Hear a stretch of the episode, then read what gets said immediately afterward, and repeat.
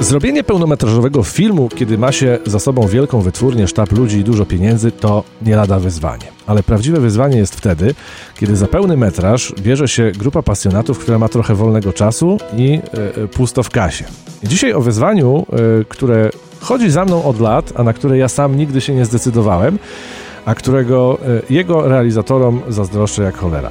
Paweł Ptaszyński, dzień dobry, zapraszam. Łowcy wyzwań.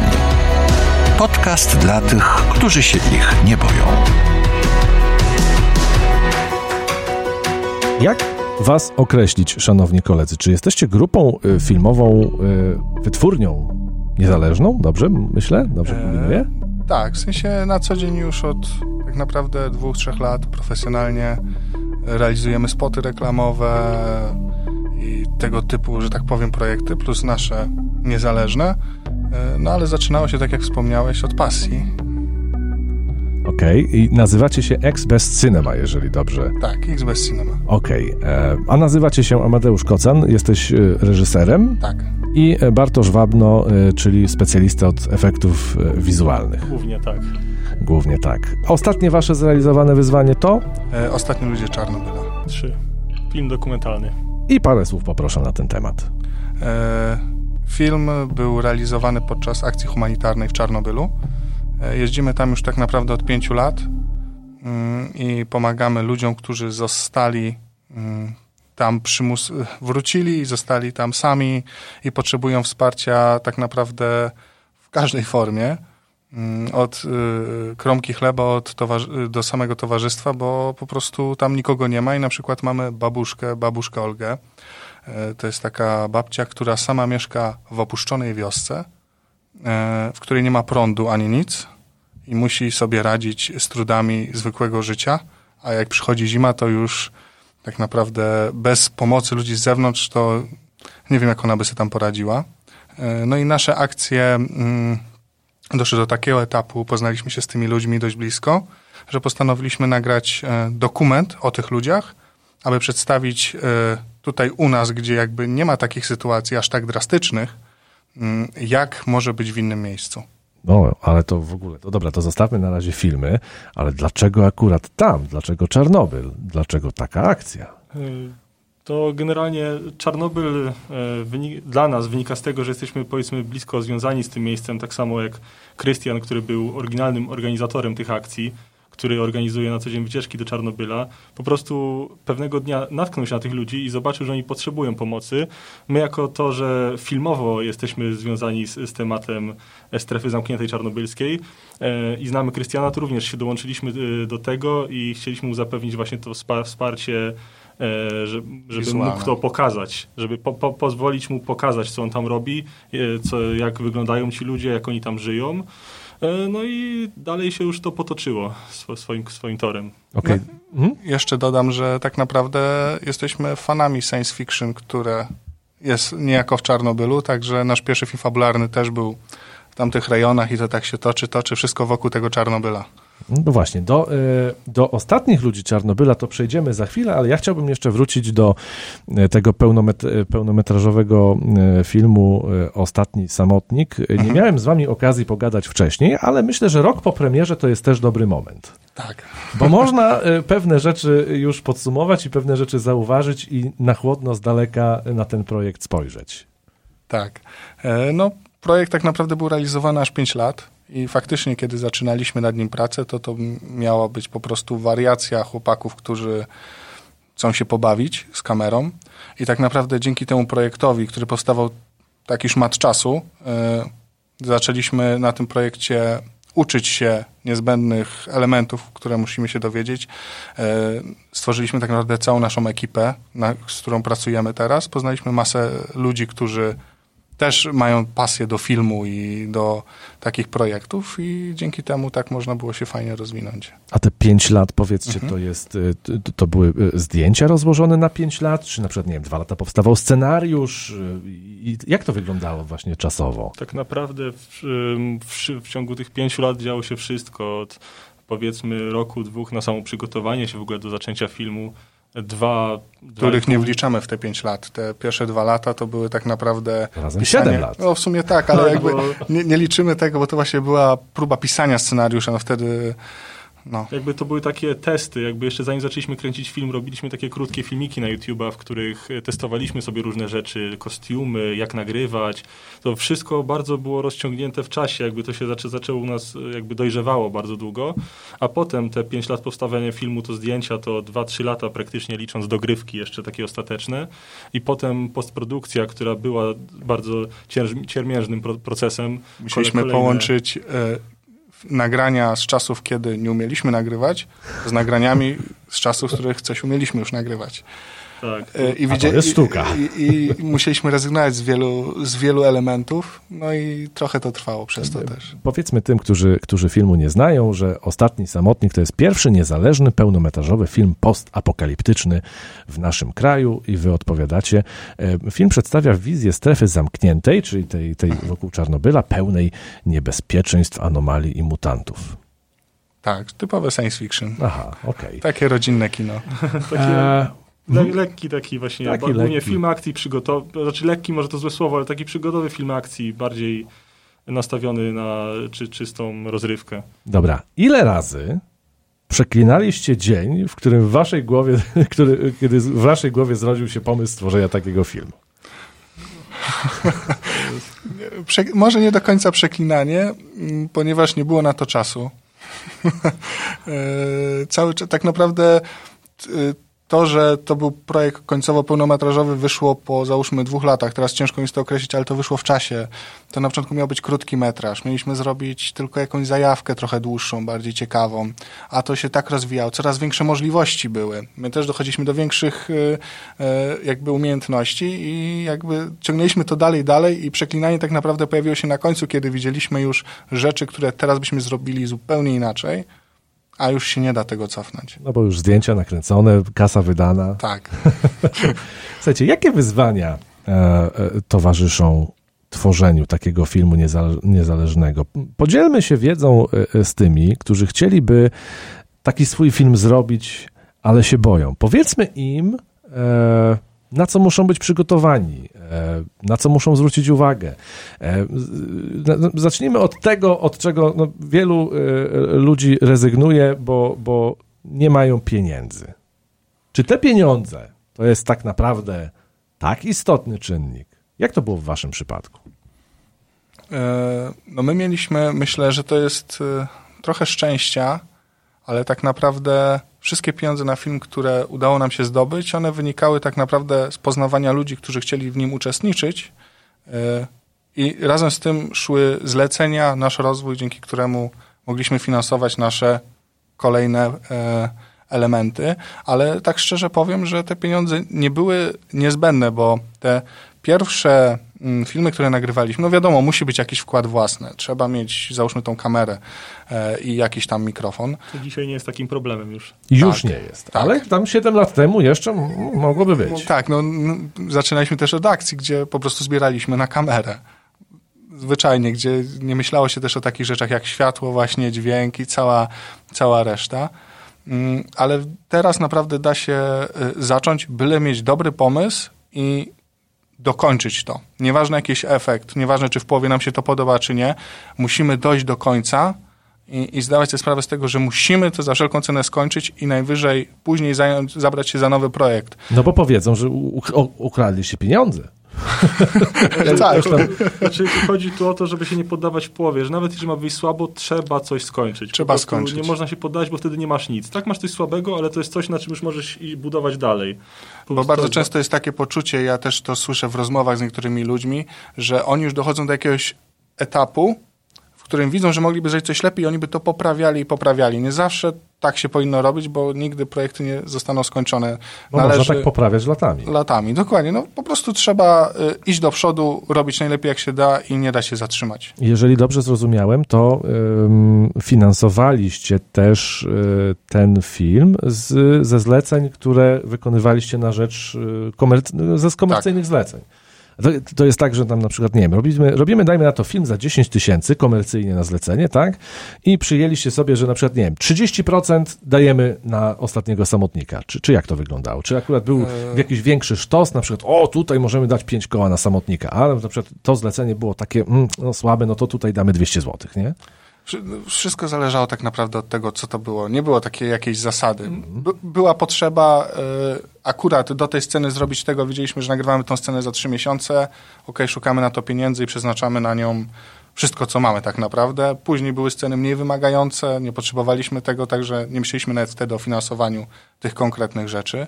Y, I tak naprawdę przez te całe pięć lat y, cały czas powolutku budowaliśmy też bazę jakby e, tych wszystkich programów i efektów, które chcieliśmy użyć, czyli po troszku wydawaliśmy na jakieś efekty specjalne, na jakieś Po dźwięki. prostu jak się niektóre rzeczy kupi, to już się je ma i już jakby jest ta zbudowana że Baza. Się, no właśnie dlatego to między innymi trwało tyle czasu, bo budowaliśmy to wszystko.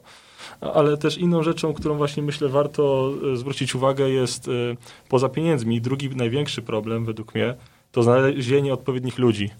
I właśnie. I teraz tak, po pierwsze, e, zebranie ekipy technicznej i realizacyjnej, ale po drugie obsady. Tak. Co jest trudniejsze? Znaleźć pasjonatów, którzy będą yy, zażynali się i, i, i wypruwali żyły, żeby to dobrze nakręcić, czy tych, którzy staną przed kamerą? Mm, Chyba tych, co będą nagrywali to.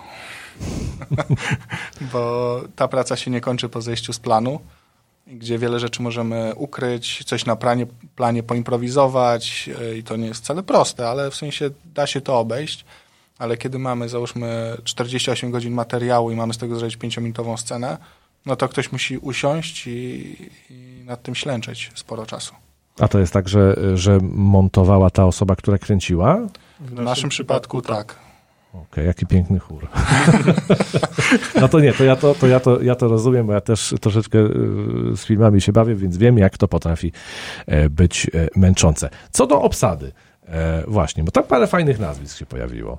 E, tak, e, Abelard Giza, Grzegorz Halama, Karol Kopiec, Wojciech Wojtek Tremiszewski, tak jest. e, Michał Gołkowski, to jest e, pisarz właśnie st- stalkerowy, tak to nazwijmy. Kogoś pominąłem? Mm, Na pewno, bo trochę tych osób No, było. obsada była spora, ale właśnie, jak się udało wam zaangażować takie nazwiska? Do, A do to projektu? każdego trochę inaczej. Mm, Grzegorz Halama jakby to była jedna z pierwszych osób, do których napisaliśmy i ona po prostu była zainteresowana projektem i chciała wziąć udział w czymś innym niż Niż kabaret. niż kabaret. E, następnie trafiliśmy do Karola Kopca, który po prostu on jakby, później się dowiedzieliśmy od tego, staliśmy się przyjaciółmi, e, jest bardzo zajarany aktorstwem i on cały czas buduje ten swój warsztat, mimo że zajmuje się stand-upem. E, I tutaj to była druga osoba, którą pozyskaliśmy, która tak naprawdę nie wiedziała, do kogo przyjeżdża, bo napisali do niego młodzi chłopacy e, i powiedzieli, że robią film i że ma przyjechać. I on był tym tak z, po Okej. prostu tak był ciekawy tego, że po prostu przyjechał i się nawiązała przyjaźń, współpraca. E, I tak naprawdę później od Karola i od Grzegorza dochodziły kolejne osoby, no bo wiadomo, stand-up, kabaret, czyli znali się z Abelardem, z Wojtkiem e, i tutaj to się potoczyło w tym kierunku. Jakby mieliśmy już łatwiejszy dostęp powiedzmy do tego środowiska. Plus, jeśli chodzi o zarzut używania aktorów y, komediowych czy komediantów, stand-uperów w filmie poważnym, weźmy to w nawiasie, znaczy w cudzysłowiu, to jakby podobała nam się bardzo właśnie ta idea e, umieszczenia ludzi, którzy nie są kojarzeni jakby z tego typu klimatami w tych klimatach, bo można zobaczyć coś zupełnie nowego, coś, co oni mają do pokazania. Oni, oni w ogóle byli niesamowici w tym, co robią, bo moim zdaniem, mimo że fabuła kuleje w filmie, jest wiele niedociągnięć, to są momenty, w których naprawdę można y, uwierzyć w to, co tam się dzieje i że oni zrobili kawał dobrej roboty. Mm, Jeszcze powiem ciekawostkę z Michałem Gołkowskim, bo go to spotkaliśmy w ogóle przypadkiem. Zupełnie. E, nagrywaliśmy podróże do filmu, jeździliśmy po całej Polsce, po prostu mm, opuszczone lotniska, lokacje, od, od po prostu granicy rosyjskiej do niemieckiej, wszędzie gdzie się da. E, I spotkaliśmy na jednym z larpów właśnie Michała Gołkowskiego i chyba przekonywaliśmy go dwie godziny, żeby po prostu opowiedział jakąś historię.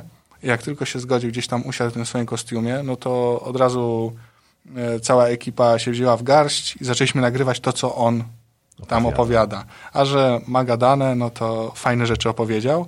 I później do, dokręciliśmy i doorganizowaliśmy sceny wokół tej całej jego opowieści.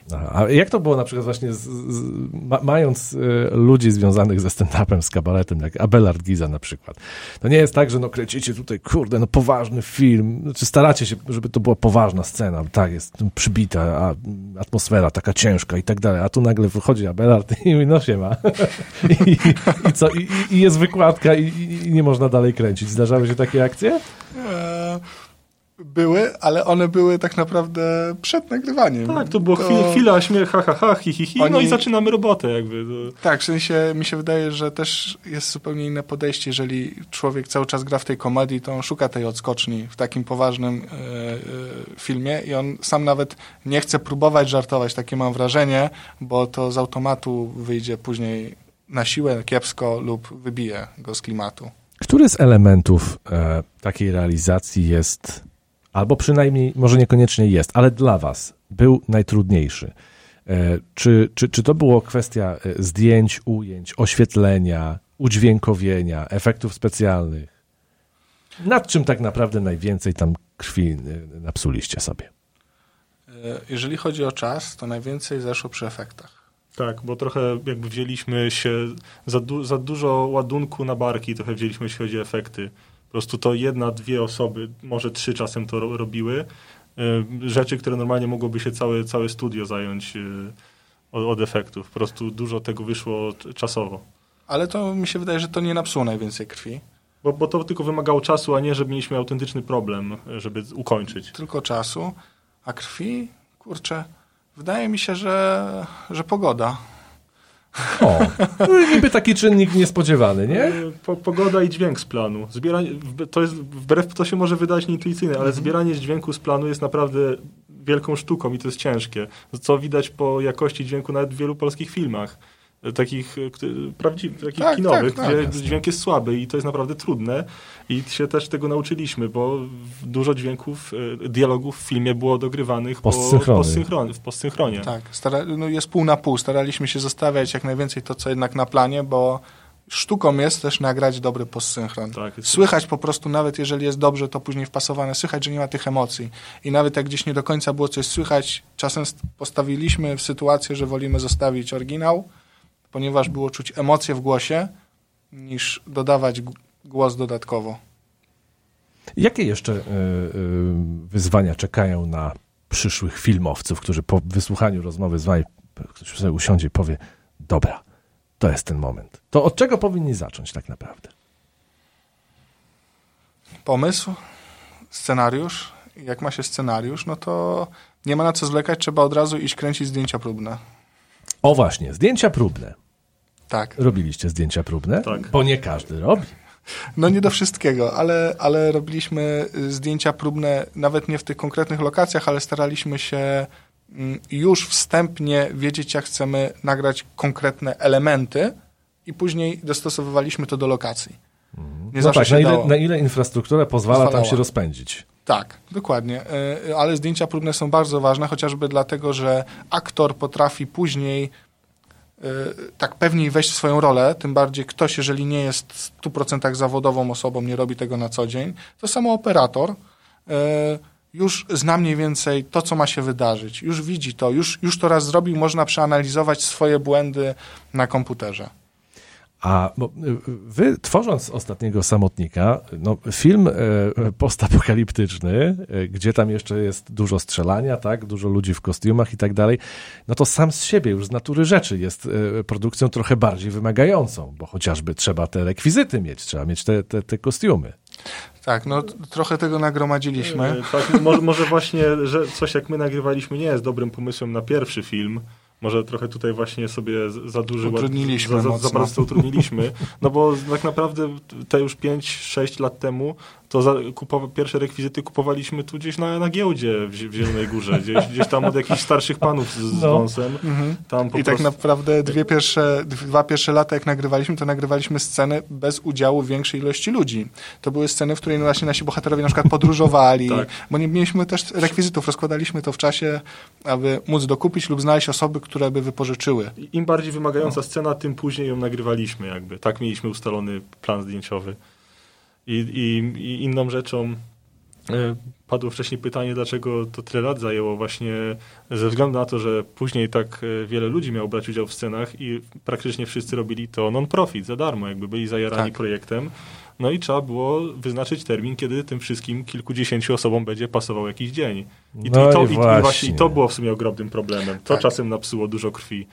Tak, musieliśmy Bo- podpasować najpierw pod grafik naszych głównych aktorów, a później prosić albo szukać ludzi, którzy by w tych terminach mogli wziąć udział. A to zdarzało się tak, że na przykład jedną scenę realizowała e, ekipa, jeden dźwiękowiec X, e, operator Y, a na przykład Mm. inną scenę zupełnie inny garnitur ludzi? Nie. Jak już byliśmy rozdzieleni, pamiętam raz y, ja i Bartek właśnie, bo byliśmy jakby od wszystkiego, że tak nazwijmy. Jak nie mieliśmy pomocy z zewnątrz, no to Bartek dowodził ekipą na jednym, w jednym miejscu, ja w drugim, ale to chyba się zdarzyło raz czy dwa. Raz czy dwa i to tylko było, że ja raz chyba przebitki tylko nagrywałem, że to nie były jakby całe sceny, tylko jakby Dodatki. Do, do, żeby się do, do montażu coś było. Tak. Dźwiękowcem u nas tak naprawdę był każdy, kto O, dostał przeszkolenie. Tak, Tak, dźwięko, jakby, dźwiękowcem to każdy był. To już Y, Tak, no i staraliśmy się nagrywać na dwie kamery, mieliśmy taką możliwość. Pomagało to i przeszkadzało, bo nie mogliśmy tak naprawdę dopieścić jednego ujęcia, ale dzięki temu mieliśmy więcej przebitek. My w ogóle wychodziliśmy z założenia, się śmieją do tej pory ze mnie, bardzo dobrze jeszcze raz. No, a dużo dubli? A dużo, dużo dubli było. Bardzo dużo. Średnio tam, nie wiem, po 5, 8. To, a, a, to jak, a to jeżeli faktycznie wychodziło za każdym razem dobrze, jak nie wychodziło, to wiadomo jeszcze więcej. To trzeba było dubli tego więcej. Ale dzięki temu mieliśmy ujęć z wielu różnych kątów. Mogliśmy to potem fajnie, dynamicznie montować. Nie, nie było dłużyzny w filmie. Film naprawdę, mimo swoich wad, jest bardzo szybki. e, I to każdy akurat mówi, że film po prostu mija, że nie wiesz, kiedy on się skończył. Więc to jest bardzo fajna zaleta, bo to znaczy, że jest na czym oko zawiesić. Ma to sens. E, Okej, a jeszcze na przykład, nie wiem, sceny właśnie e, e, tam, gdzie, gdzie jest jakaś fizyczna walka i tak dalej, konsultowaliście się z jakimiś Tak. specjalistami od, od E, da- rąbanki Tak, tak. fizycznej? Tutaj na Zieloną Górę chyba jeden z najlepszych, Dariusz Waluś. E, e, wszystkie sceny choreografii walki. On, e, Walki wręcz. tak, on je wszystkie przygotował. E, No i Karol właśnie i Damian musieli przyjeżdżać tutaj i były one ćwiczone. Ale korepetycje. Tak, tak. Były takie bardzo fajne korepetycje. Na początku w ogóle z tym, nie mogli się aktorzy oswoić z tym, że mają się dotknąć. W sensie to było takie, że on chce, ale nie może. No bo to takie ma- markowanie, ale Tak. trochę jednak nie. I, i, I tutaj była pierwsza bardzo fajna technika, w której oni się mieli realnie odpychać i dawać sobie z liścia. I kiedy oni to zrobili, to w końcu się przełamali I zaczęli się faktycznie i, tłuc. i zaczęli się faktycznie tłuc. Oczywiście w bezpieczny sposób. E, I było to wszystko pokazane, gdzie Mark tam był Mark, ale już się nie bali po taki, takiej prostej w sumie grze, nie bali się tej cielesności, bo e, widać czasem w filmach to, to zahamowanie, że mimo, że ktoś ma coś zrobić, to jest to takie zahamowanie. Dokładnie. U nas wydaje mi się, że tego nie było i to było właśnie tym elementem, że, że Darek tak fajnie poprowadził ich i sam też zagrał głównego antagonistę, który jakby też jego wszystkie walki były podyktowane tym, że się w sumie tym zajmuje na co dzień, więc te choreografie to Tak, powymyślał. jakby też tym, że, że oni z nim prowadzili te, te walki, on bardzo im pomagał, jakby on prowadził te walki dzięki temu, bo jakby się dwie amatorskie osoby sobą biły, Tak, to była... To byłoby to widać, by było, że- byłoby widać. On jakby pomagał im pokazać, to, to urzeczy, Tak. urzeczywistnić im to pomagał. Tak, dokładnie. E, Tak samo jeżeli chodzi o realistykę walk strzeleckich, to również mieliśmy pomoc. Jeśli chodzi o strzelanie z karabinów takie rzeczy, pomogła nam grupa rekonstrukcyjna, e, żebym nie zapomniał, Konfederacja Południowej Wielkopolski. Mhm. Chłopaki z, z Gostynia, z Podpoznania również się zainteresowali projektem właśnie Prawie przez 50 to, osób. przez to, że jakby zobaczyli go w internecie, zaoferowali pomoc i we wszelkich takich e, powiedzmy strzelaninach pomagali nam zarówno sprzętowo, jak i, jak i wiedzą. Pokazałem też, jak, jaka taktyka musi mieć miejsce. Bo to też wbrew pozorom nie jest takie oczywiste. Jak ustawić jaki szyk, żeby to nie wyglądało jak pan, który wymachuje dwoma palcami. Po prostu i coś się ma dziać. Trzy najważniejsze wnioski dla potencjalnych twórców filmów płynące po waszej produkcji Ostatni Samotnik.